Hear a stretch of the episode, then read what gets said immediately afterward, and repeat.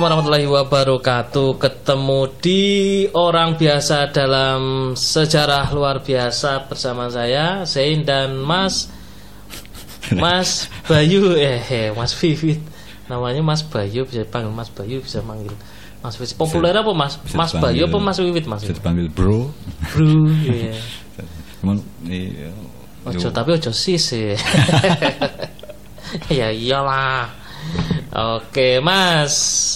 Gimana kabarnya, Mas? yo agak pilek. Agak pilek ya. sehat. Ini ya ini lagi musim hujan ya, Mas ya. Hmm, hmm. Mm, Oke, Mas. Kesempatan kali ini saya ingin berdiskusi dengan jenengan ini terkait dengan apa namanya peristiwa kemerdekaan pas Hmm. pasca 1945 ya. Setelah Setelah Pak proklamasi Karno ya berarti proklamasi, ya. oh, itu kan Tapi 1945-nya bukan dari Januari loh. Tapi dari Agustus ya. dari Agustus iya ya iya dari Agustus Jadi ya. nggak utuh setahun 45 ya. Ah, benar benar benar. Nah, ini lima tahun ke depan ini kan dari 45 sampai 50 ini kan gonjang ganjing ya banyak hal yang bisa kita obrolkan dan ini yang menarik karena ternyata ini kan ya kita melihatnya kan kalau kita belajar nih Mas dari sejarah di SD SMP ya biasanya SMP, SMA ya itu kan sejarahnya ya cuma ngapalin aja mas kita tidak pernah di iya kita perjanjian Reville kapan Linggar Jati tahun berapa gitu kita tidak pernah melihat dari sisi humanistiknya misalnya sejarah dari Iya, sisi iya, tapi ya kalau SMP disuruh dramanya. diminta menganalisa kan nanti yang kasihan gurunya. Iya sih, tapi kan sebenarnya gini mas, kalau kita ya kita kan sebenarnya sudah terbiasa didongengin mas. sebenarnya dengan stimulus dongeng didongengin Oh, iya, loh, dulu iya. loh, gini Oh, loh oh. kita kita kan mendengarkan itu ada daripada ada kita harus yang lebih ya. Oh, oh, benar mas. Daripada kita curung ngisi LKS mas, tahunnya berapa gitu ya? Tahunnya berapa? Iya, dengan gurunya yang serem itu kan ya. Walaupun walaupun ada poin penting soal tanggal gitu loh. Jadi kalau kita benar-benar paham atau uh, Hmm. hafal lah mungkin soal tanggal, kita nggak kebalik-balik baca sejarahnya, ada kronologisnya di situ. Sepakat mas. Lahirnya ada penelusurannya ya. Iya, jadi nggak gitu. bisa uh, uh, kalau bilang masalah di laut jangan Hmm. dibawa-bawa ke darat gitu. Jadi umpamanya masalah zaman Jepang jangan dibawa-bawa ke zaman Iya. revolusi. Ah, itu ya. Iya, kayak gitu ada ada penelusuran itu ya yang, Tapi, yang ya. saya men- menarik gitu karena kalau dalam sebuah penelitian kan penelusuran adalah salah satu dari bentuk Syarat ya, validasi, validitasnya. validasi ya. Nah, ya, jadi dari situ bisa kita lacak eh, masalahnya bisa dibawa atau nggak bisa dibawa. Gitu. Mm-mm, kayak gitu. Lah harusnya kayak gitu Mas. Lah, tapi zaman dulu saya Mas daripada beli bukunya sejarah yang tebel Mas. Yang tebel. Mending saya beli LKS-nya Mas. Tipis. Tinggal baca rangkumannya tapi ya itu Mas. nggak menarik sama sekali Mas. Akhirnya cuma ngapalin Iya, tanggal ngapalin tanggal terus Sama. uh, ngeluwer ngeluwerin apa pilihan ganda gitu Mas sama isainya doang gitu. Ya ini Mas. Nah, oke, ini terkait dengan Siliwangi Mas. Nah, Long March Siliwangi kita eh, ada filmnya gitu ya. Hmm. Ada filmnya pada zaman sebelum Mereka enam- kembali sebelum kalau nggak salah judulnya. Iya, eh, itu Iya, itu memang menarik mereka Mas kembali. Hmm. ceritanya itu. Kemudian ini kan kalau kita melihat filmnya itu kan kelihatan sekali bahwa Long March Siliwangi ini bukan bukan bukan hanya orang pindah dari tempat A ke tempat B, ada cita-cita yang tragis gitu ya, ada cita-cita yang heroik dan sebagainya yang perlu kita harus tahu gitu ya sebagai generasi penerus ya Iya, bahasa ngomongnya. iya. Tapi itu penting mas menurut saya karena ini bukan bukan ini orang-orang nek kalau hari ini mas saya Hmm. menyebutnya orang yang low match adalah orang-orang gila mas. Orang yang nomor adalah Ya, orang-orang yang gila maksudnya artinya tanda kutip ya orang-orang yang wah gila lah. Kita sulit menemukan orang seperti itu di sekarang ini mas. Mereka melakukan perjalanan dari dari Yogyakarta ke tempat masing-masing di Jawa Barat. Tuh ketika kembali. Ya jadi kan ada ada etapenya. Pertama Hmm. kan eh, hasil dari perundingan Renville. Renville, iya. Sebelumnya Ah. Linggarjati, terus kemudian perundingan Renville. Hmm. Itu kan menghasilkan adanya garis demarkasi. Hmm. Nah, dalam pembagian atau pembuatan dari garis demarkasi itu persetujuan apa, perundingan Renville itu juga Hmm. kita mau sebut perundingan atau persetujuan Ya. kan, eh, ya ya akhirnya persetujuan tapi persetujuan, sebelumnya nah. berunding nggak? Nah, kalau Iya. berunding kan sealot apa perundingan itu? Iya benar-benar. Gitu kan harus di harus di kalau mau dikaji atau mau diulas kan perundingan itu kan harusnya alot kan ada Mm, perundingannya gebrak-gebrak meja nggak? mm, mm, Iya iya. gitu karena nanti yang di lapangan itu tembak-tembakan Ah. adu nyawa yang berunding ternyata ngopi-ngopi aja itu Ngopi-ngopi kan aja itu ya. bikin Wah, kecewa nanti kecewa, bener. bikin kecewa apalagi dampak dari hasil perundingannya itu Level itu sangat merugikan kita ya. ya akhirnya dianggap merugikan karena ada garis demarkasi yang menyatakan bahwa Jawa Barat bukan bagian dari Republik Hmm, Oke.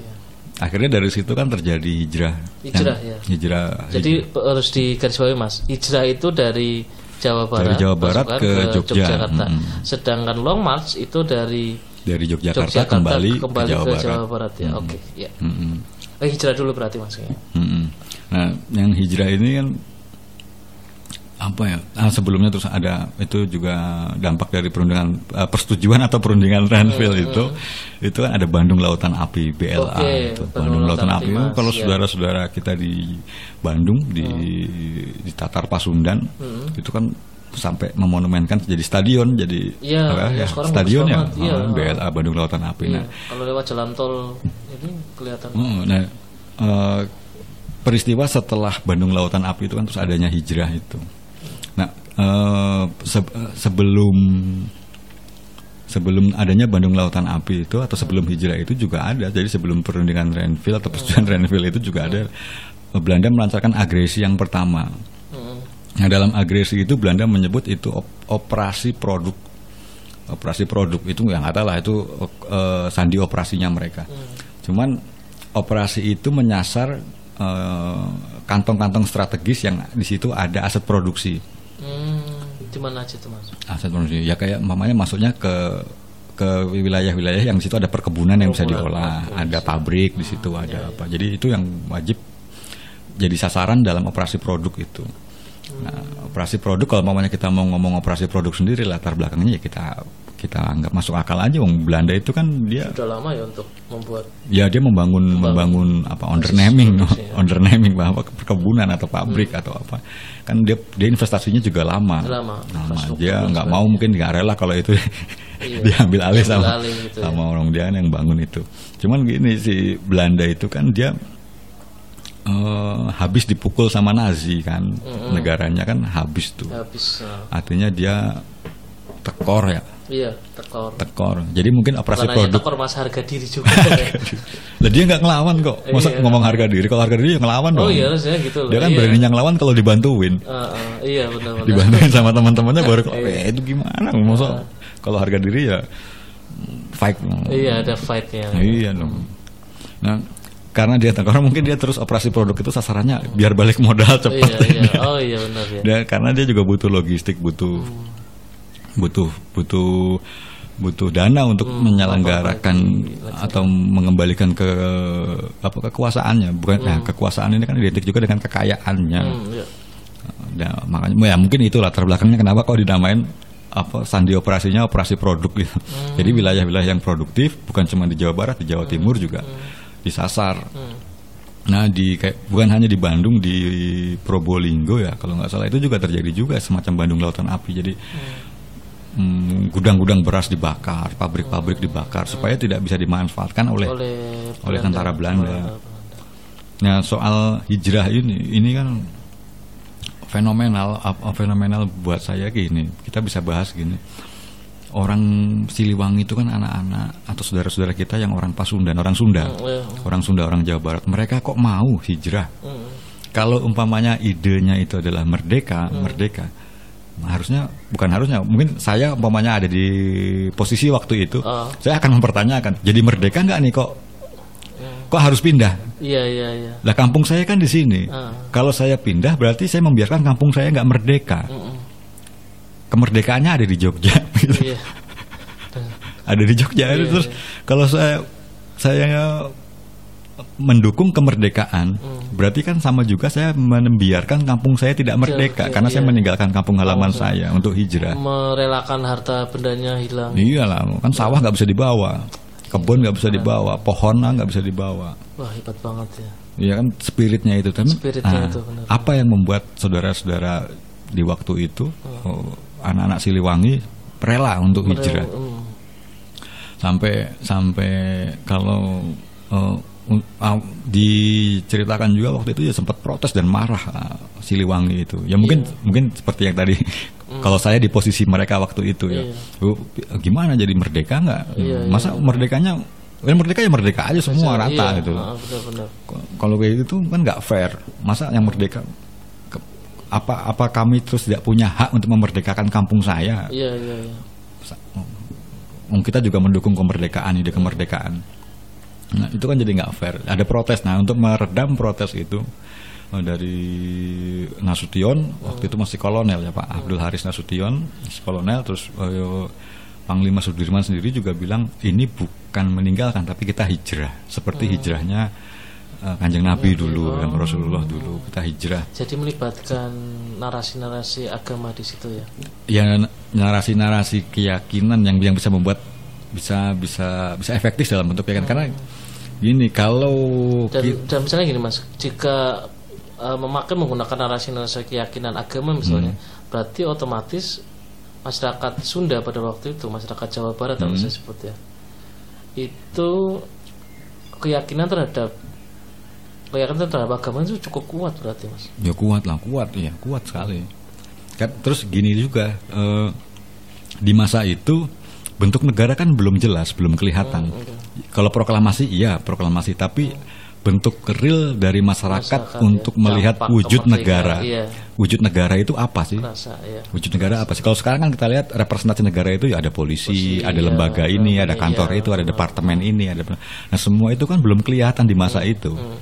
Belum- Mungkin juga pemerintahan belum solid terbentuk gitu, untuk koordinasinya, untuk apa? Nah, untuk sesuatu yang belum belum terlihat wujudnya secara real, terus dasar kepatuhannya apa? Ya ya ya.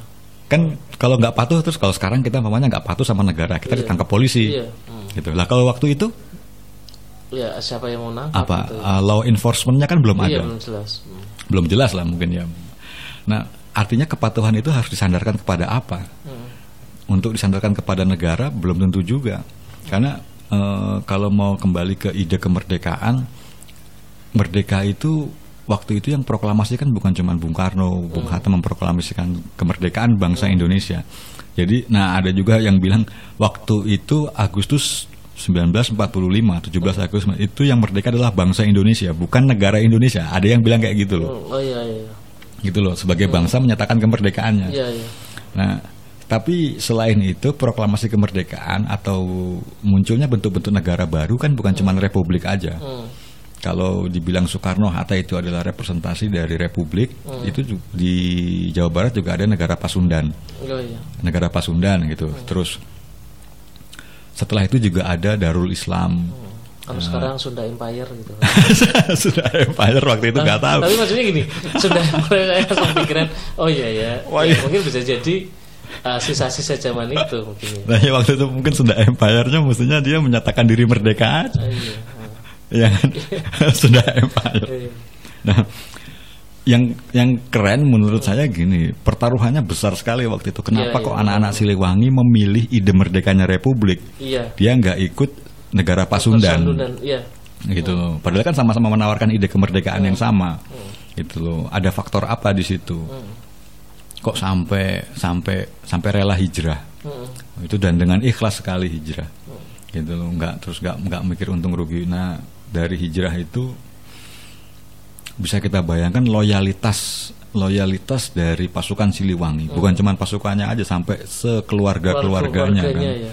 Itu diangkut semua gitu ya. Di- ya ada yang ketinggalan juga lah mungkin ya. tapi, Tapi- tapi disebutkan nggak nggak kurang dari angka 40 ribu 40 ribu ya. Pada saat itu loh ya. iya pada saat itu untuk satu ide Ah, soal merdeka, merdeka. Ah, yang yang dan itu ya cuman keyakinan aja bahwa Keyakinan. kemerdekaan ini benar dan Benar, dan benar, benar. waktu itu kan mereka nggak tahu jalan sejarah akan Sejarah berakhir seperti, seperti apa siapa, Oh, gitu akan ya. berakhir seperti Ah. apa jalan sejarah kan mereka nggak tahu Seperti apa kita nggak tahu. iya kalau kalau umpamanya terus kemerdekaannya itu batal atau republik itu ternyata bisa dikalahkan oleh Belanda Sekecewa apa mereka? ya sekecewa apa mereka mereka kalau bahasa bahasanya orang bisnis kemakan investasi bodong mereka percaya terhadap sesuatu yang bagaimana cara mempertahankannya dan itu sampai jadi mereka cuma modalnya harapan dan keyakinan Iya. bukan kepatuhan kepada negara loh iya. kepatuhan ke- kepada negara itu dampak dari keyakinan dan harapan yang mereka miliki tentang ide merdeka dalam bentuk republik kalau dia nggak setuju dengan bentuk republik dia ikut yang negara Pasundan. Dan itu pun belum selesai waktu kemudian saat sudah hijrah pasukan Mhm. Siliwangi ke Yogyakarta dan sekitarnya itu. Itu masih harus bergerak iya meredam iya, ya. pemberontakan di Madiun. di Madiun Dan iya sebagainya. iya artinya sebagai pasukan itu tour of duty-nya Iya. Dan di di di tanah yang dia Iya, kan, di tanah orang lain. Orang lain gitu. Tapi yang keren juga di keren Jogja juga menyambut sebagai saudara, sebagai apa. Nah, itulah. ini kan yang pernah kita Iya, obrolin di harus pot kita di pot kita di obrolan kita yang lain kan soal eh, bagaimana mungkin mau dipecah dari akar budayanya, identitasnya antara Sunda dengan Jawa itu kan. Dari naskah Sundayana itu yang diketemukan di era pas ketika kita pernah mempertahankan kemerdekaan. Iya. Nah, spiritnya eh, Siliwangi sampai ke Jogja ini nggak loyalitas mereka juga nggak berhenti cuman sampai hijrah terus mama terus di sini mukim di sini terus ya hidup. Enggak mereka terus akhirnya dikirim juga untuk memadamkan pemberontakan PKI di Madiun. Mereka tour of duty juga sampai ke wilayah-wilayah di Jawa Timur sampai ke apa Kediri ke Madiun, Kediri, sejauh Blitar. sampai terus sampai mereka balik ke daerah Jawa Tengah dan ketika nah ini yang yang yang tak- saya pernah menulis itu satu artikel patriotisme tanpa tapal batas. Jadi untuk Siliwangi, dia rela meninggalkan kampung halamannya untuk mendukung ide kemerdekaan bentuk- berbentuk republik sampai ke Jogja. Dia tanpa tapal batas. Dari Jogja dia long apa tour of duty lagi memadamkan pemberontakan Madiun. Madiun kan juga waktu itu dia proklamasi merdeka juga gitu. Iya, iya, iya. Artinya dari merdeka melawan merdeka. Mereka Gitu loh. Ini kan pertarungan keyakinan. Pertarungan keyakinan. Pertarungan. Pada saat itu. Iya, pada saat itu. Wih, Jan. Pada saat itu kita menarik itu. mereka nggak nggak tahu jalan sejarah akan Sejarah akan seperti apa. Ha-ha. Pokoknya mereka melah- menjalankan apa yang mereka yakini dan dan dari keyakinan itu ada harapan yang mereka kejar gitu. Dari dampak itu baru muncul kepatuhan kepada negara. Disuruh hijrah ya sudah kita hijrah gitu. Hijrah. Kan wih, loyalitasnya keren kan, patriotismenya keren. Dia memadamkan pemberontakan di Madiun. Terus ya ketika pasca eh, pemberontakan Madiun itu mereka mau masuk Jogja, Jogja sudah diagresi sama Belanda lagi. Jadi Oh, iya. pasca Renville Jogja diagresi sama agresi militer Belanda dua itu agresinya pakai sandi operasi namanya operasi Krai. Operasi Krai itu kraul, kraul gagak. Oh, gagak. gagak iya, gagak iya. ya. Jadi burung yang apa yang horor ya tukang sihir tuh. Hmm, iya, iya. blitzkrieg blitzkrieg blitzkrieg. ya sangat cepat menyerang sampai ke Jogja. Nah dia Siliwangi nggak bisa masuk Jogja. Langsung dapat perintah untuk winggit untuk kembali ke Jawa Barat. Hmm, dan akhirnya ya diboyong juga sama anak istrinya lagi balik lagi. Itu kan ya gimana ya Yo, kita saya bayangkan saja saya naik bis. Disuruh Eh, balik lagi. iya, satu eh, saya naik bis aja dari Yogyakarta ke Bandung gitu ya. Hmm. Itu jauhnya minta ampun gitu ya. Mm-mm. Dengan teknologi yang sekarang, dengan keadaan Iya. infrastruktur yang sekarang. Apalagi pada zaman dulu dengan membawa bawa istri, keluarga, bawa ini itu kan pengorbanannya tak terukur itu. Kalau siapa sih yang bilang orang Belanda Prince eh pong ke Dan itu Prinsen ya Prinsen. itu ya kalau sekarang kan gini ya. Saya potong dulu Mas. Hmm. Ya sekarang tidak ada hambatan apa pun. Zaman dulu itu sudah long march, sudah seperti itu masih dibayang-bayangi. Iya, iya yang kembalinya long march. Kalau hijrahnya kan relatif ada angkutan, ada naik kereta, ada yang naik kapal, ada yang naik truk, ada yang jalan kaki Betul, juga. betul. gitu. Hmm, Cuman pas long marchnya itu yang yang penuh pengorbanan. Pengorbanan. Si Prinsen itu bilang apa? Ya ratusan multatul itu tidak akan bisa melukiskan penderitaan yang dialami oleh ribuan adi Saija dan Adinda ketika long march itu. Itu cerita Seperti apa yo ya karena bawa anak istri kan bawa perempuan bawa anak kecil bawa orang tua. Sampai ada juga yang diceritakan eh, melahirkan di jalan terus akhirnya anaknya ditinggal dititipkan sama kampung di kampung yang dia dia lewati itu karena memang nggak mungkin mengurus mungkin mengurus anak Oh, bayi di dalam di jalan gitu. terus gitu. ada yang hanyut ketika nyebrang sungai, Sungai. sungai dan mereka nyebrang itu cuman jadi ketika Long March itu dihadiahi sarung. Sarung sama Sri Sultan atau sama Bung Hatta ya. sama Sri Sultan kayaknya dihadiahi sarung karena itu juga kayaknya dekat sama hari raya apa ya. Hmm. Nah sarung-sarung itu yang disambung, sambung, sambung untuk bisa menyeberangi sungai. Nah sungai sungainya deras ada yang hanyut ya hanyut ya nggak bisa ngapa-ngapain ya dada dada. Masa dada? Enggak ya akhirnya kan nggak bisa nolong nggak bisa apa. Perjalanan juga harus diteruskan. Harus teruskan. Mereka long march kembali, wingate istilahnya kembali ke apa infiltrasi ya wingate ya masuk masuk ke pertahanan musuh. Pertahanan musuh. Nah ketika mereka sampai di Jawa Barat, mereka bentrok juga sama Darul Islam. Darul Islam DITI ya kalau kita sama. DITI sama DITI dan bentrok itu kan sama akhirnya bentrok saudara Hmm. saudara sekampung lah istilahnya Ya ya. ya. nah waktu itu kan kita bisa bayangin juga apa yang terjadi atau yang dialami oleh mereka mungkin eh, yang dari Darul Islam atau dari NII itu dia bilang lo kamu kan gimana katanya merdekanya di sana terus hasilnya apa? Ngapain pulang lagi gitu Iya ya, gitu ya. ngapain Itu pulang lagi gitu? Ya kebimbangan itu ya karena wujud kemerdekaan juga masih masih iya kan? belum bisa Iya, digambarkan ketika real. ketika diagresi presiden ketangkap Iya. wakil presiden ketangkap Heeh. ya lah, terus wow, negara gimana ini bentuknya? Ayo ada PDRI pemerintahan darurat Republik Indonesia di Safrudin Prawira Negara. Itu tapi kan representasi yang disaksikan oleh masyarakat apalagi masyarakat awam waktu itu kan pemimpin kita sudah ketangkap nih kita mau ngapain iya, lagi iya. Ah, benar. Mas- terus bagaimana caranya kita mengetahui PDRI mengetahui koordinasi-koordinasi dalam bentuk pemerintahan itu bahwa pemerintahan masih ada kan waktu itu masa kan waktu itu belum ada radio radio nggak banyak dimiliki Banyak orang dimiliki kalau orang. sekarang kita kan tinggal lihat aja umpamanya di medsos di medsos kabar kabar presiden kita gimana iya, gitu. langsung. tapi kalau dulu kan nggak bisa. Dulu caranya caranya masyarakat mengetahui bahwa pemerintah masih ada atau sudah. Udahlah kita gulung tikar Ah, iya iya iya. kan propaganda Belanda kan seperti itu. Republik sudah nggak ada. Iya. presiden sudah ditangkap sudah apa. Kan hopeless kan akhirnya. Harapan itu kan pupus. Hmm. tapi mereka selain harapan yang pupus mereka masih punya keyakinan. Hmm. Mereka tetap yakin enggak tetap tetap kita berjuang kita berjuang bahkan sama saudara-saudaranya sendiri yang tergabung dalam Darul Islam dalam NII Negara Islam Indonesia diajak bergabung juga dia nggak mau Hmm. padahal kan kalau logisnya kan ya sudahlah gitu kan Iya iya. Eh, yang Republik sudah nggak ada harapan karena ketangkep Mm-mm. terus koordinasi sama Panglima Sudirman juga nggak gimana Panglima Sudirman kan juga gerilya Iya ya. Waktu itu yang mengetahui posisi Panglima Sudirman di mana itu cuman dua level di bawahnya Pak Dirman. Hmm. Jadi Pak Dirman waktu itu pangkatnya apa di bawah. Jadi eh, Letnan Kolonel itu nggak tahu posisi Pak Dirman. Saking ini. Oh, jadi komandan komandan oh, untuk menjaga, menjaga Rahasia, kerahasiaan itu. Jadi setingkat kolonel yang tahu. Eh, artinya kayak orang mungkin semacam waktu itu kolonelnya Nasution.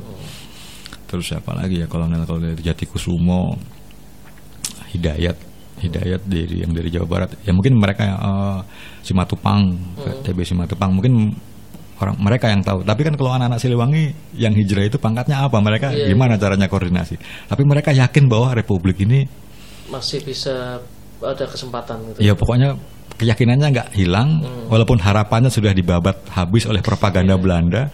Mereka tetap ya long march terus diiming-imingin. Udah kita gabung aja. Kamu gabung aja ke sini. Ini kan di kampung-kampung kamu juga di Jawa Barat. Cuman ketika kamu pergi, kita tetap berjuang. Tapi bentuknya Darul Islam. Tapi selain itu juga ada bentuknya negara Pasundan. Hmm. Nah, anak-anak Siliwangi ini tetap memilih enggak, kita republik aja. Hmm.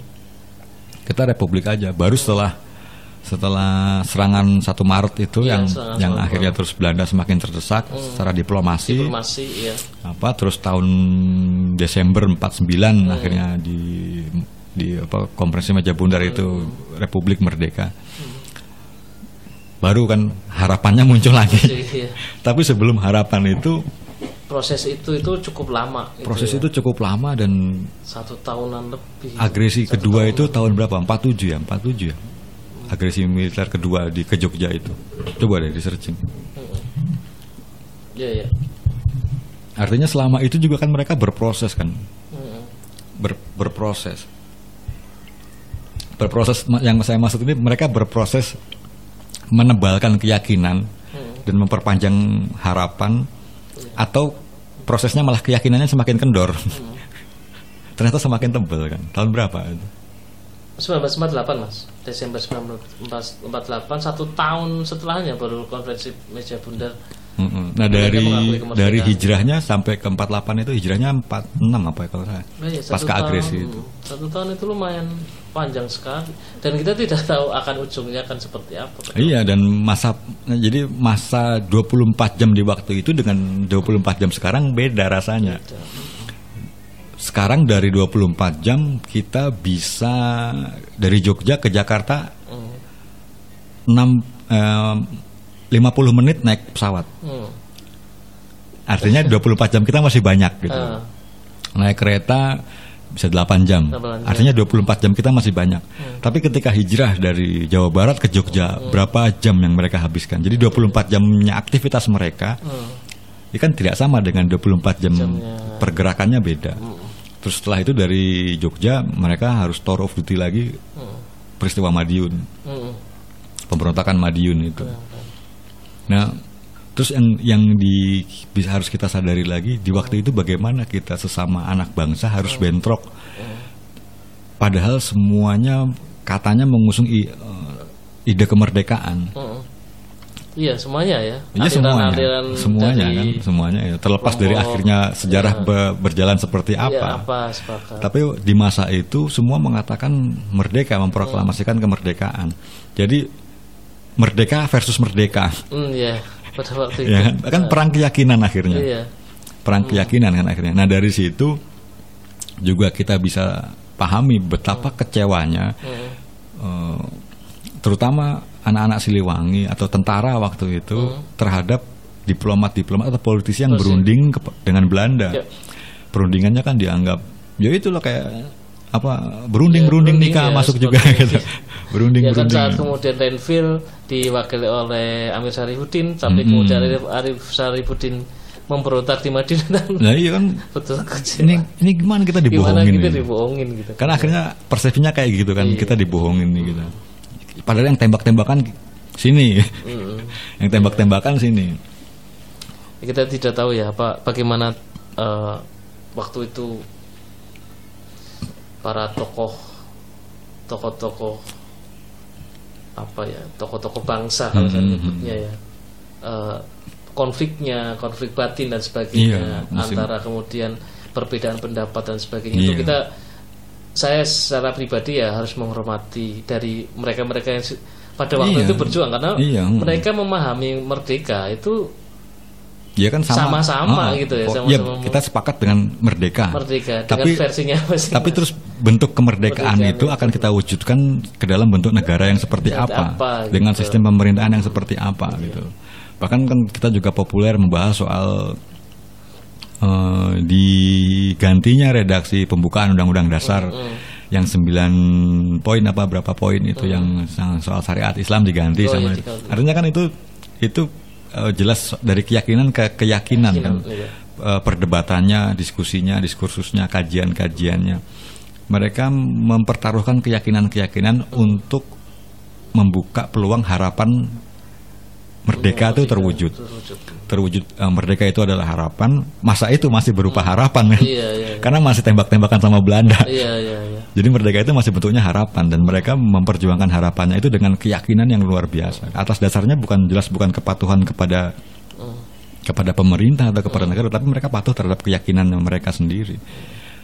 Sama sepakat merdeka, tapi kepatuhan atau loyalitas atau patriotismenya itu itu ke- keyakinan itu berawal berangkat dari keyakinan mereka. Hmm. ya dengan apa kalau istilahnya at all cost dengan semua resiko ketika saya meyakini kemerdekaan itu dalam bentuk republik ya saya harus patuh sama Panglima Sudirman saya harus patuh sama Bung Karno Bung Hatta diperintahkan hijrah ya sudah kami hijrah. Umpamanya kan kayak gitu. Ya. kan nggak ada law, law enforcement kayak gitu. Kenapa? Nah kenapa mereka terus nggak desersi aja umpamanya? Iya, iya, iya. Kenapa nggak? Padahal Nasution, Nasution itu kan bukan bukan orang Sunda, Iya, iya. tapi dia jadi komandan untuk Di Siliwangi, waktu itu Siliwangi. pertama gitu. Terus artinya eh, multi etnis perjuangan terhadap republik itu dan saling percaya orang-orang Sunda di bawah Nasution. Terus Panglima Sudirman itu tetap diakui sebagai panglima tertinggi walaupun Soekarno Hatta sebagai presiden sudah ditangkap dan pemerintahan diestafetkan ke pemerintahan darurat Republik Indonesia oleh Safrudin Prawira Negara. Tapi TNI yang di Sumatera tetap mengakui ke- kepanglimaannya Jenderal Sudirman. Sudirman. Dan itu kan berarti udah nggak kita sudah benar-benar waktu itu dewasa waktu itu tidak membahas udahlah mau Jawa, mau Sumatera, Iya. mau Batak, mau Palembang, mau mana, mau Sunda, mau bahkan Bali. Ya, Kapan-kapan dibahas Bali keren tuh ada perang puputan Margarana. Puputan, iya, kita akan akan ngobrolin Iya. itu, itu keren sekali. Puputan Itu Margarana. juga ada cerita yang kita mungkin beberapa sebagian teman-teman tidak Hmm, tidak hmm. pernah mendengarkan eh, bagaimana Gusti Ngurah Rai. tragedi. Hmm. Saya menyebutnya sebuah tragedi ya, karena Tragedi. perang puputan ini kan juga cerita yang yang apa ya, yang dampaknya itu sangat besar Hmm. pada Bali yang sekarang gitu. Iya dan dan kalau umpamanya ah, tadi kan dibahas mungkin karena orang Sunda religius sekali. Dia kepatuhannya mungkin karena pakai kata-kata hijrah akhirnya mereka mau mau untuk untuk tetap berjuang dalam bentuk rep- eh, dalam dalam bentuk republik memperjuangkan republik. Tapi yang saudara-saudara kita di Bali terus apa ininya? Hmm. Eh, apa mereka kepatuhan kepada agamanya juga atau apa? Tapi mereka sampai puputan sampai Puputan sampai habis-habisan. habis-habisan itu ya. dan itu terjadi juga sama saudara-saudara kita yang di Sulawesi dibantai oleh Westerling. Oh iya. Ya, mereka saudara-saudara kita yang agamanya bukan Islam juga, bukan Hindu juga. Bahkan agamanya mungkin ada yang ada yang Walter Monginsidi yang dicari-cari Belanda kan agamanya sama dengan Belanda. Iya iya iya. Itu kan unik juga. Hmm. Agamanya sama tapi mungkin mungkin dia kenal agama agamanya, agama Nasraninya, agama apa? Wote agamanya apa? Katolik atau Protestan? Saya, kurang tidak tahu. Tapi yang jelas mungkin dia kenal agama itu kan dari Belanda juga. Hmm, iya. Tapi dia akhirnya hadap-hadapan sama Belanda dan ditembak mati, dihukum mati sama Belanda. Nggak nggak nggak mau menyerah, Hmm, nggak mau melepaskan keyakinannya tentang merdeka, hmm. gitu loh. Jadi bukan apa terus dasar dasarnya semua orang waktu itu mendukung ide kemerdekaan. Hmm. Apakah dasar agama? Ya kayaknya enggak lah, agamanya beda-beda. Atas dasar kesukuan. Oh nyatanya Nasution bukan orang Sunda, Iya. iya.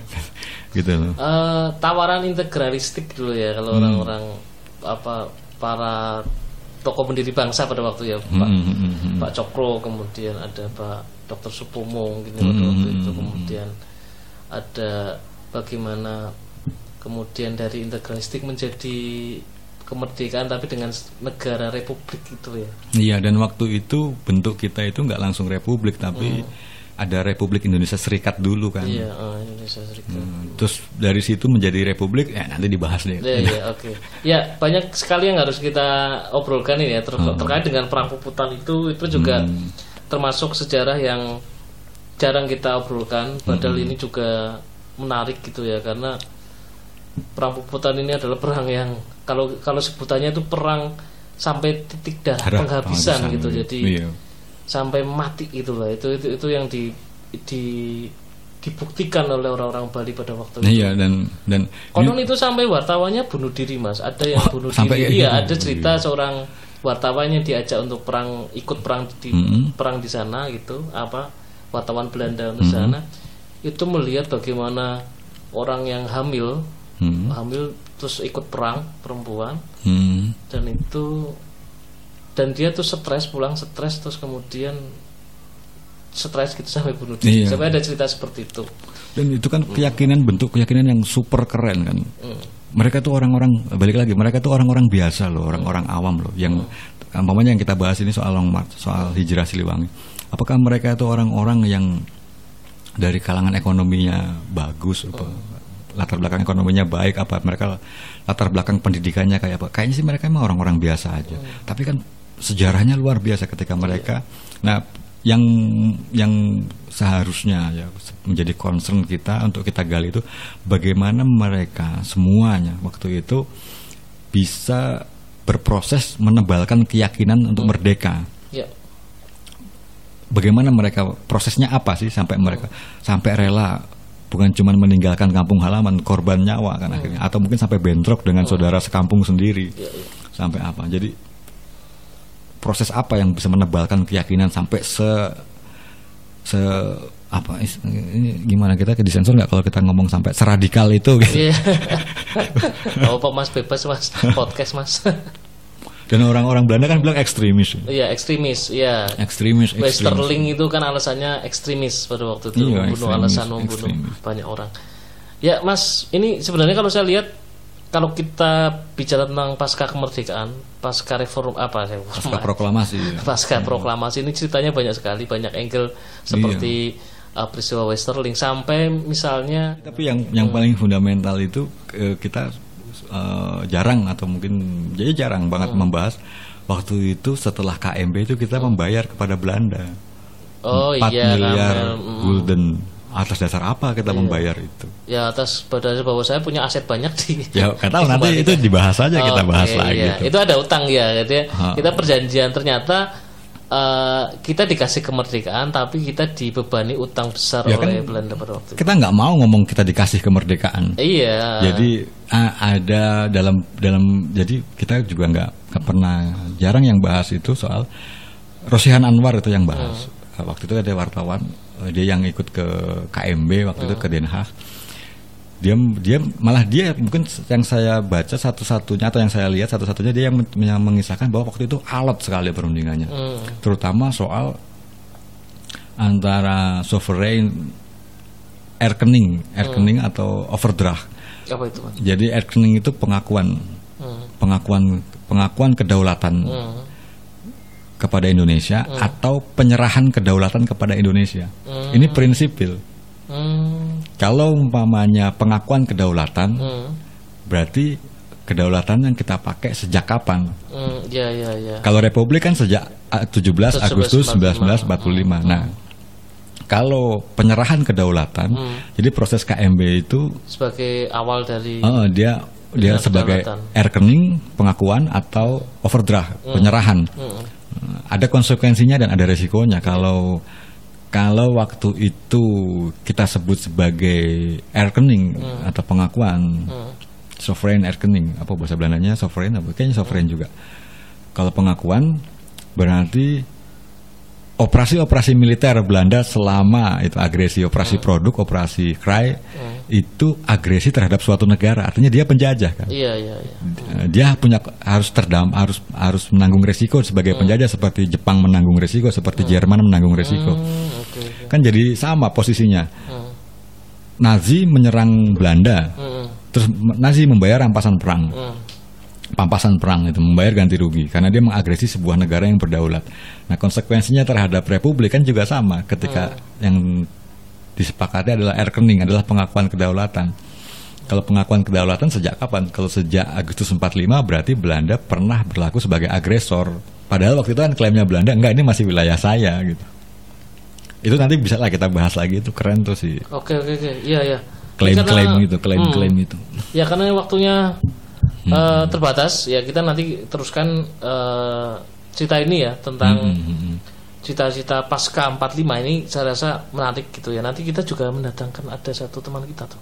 Iya bruder kita itu Iya. bruder m- apa mereka dia itu maksudnya apa namanya mau dipanggil apa dia dibilangnya Max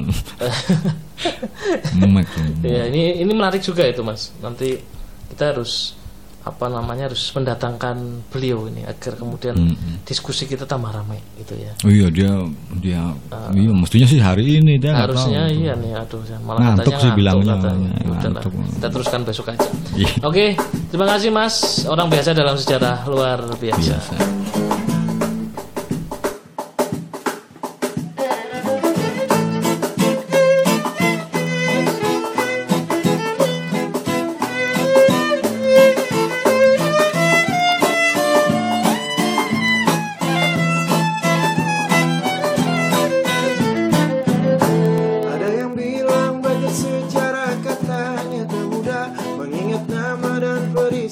betapa susahnya. Hai rumit rumitnya Betapa panjangnya cerita tentang manusia. Benar sejarah memang tak mudah. Mereka yang gak Karena cerita manusia juga. Cerita tentang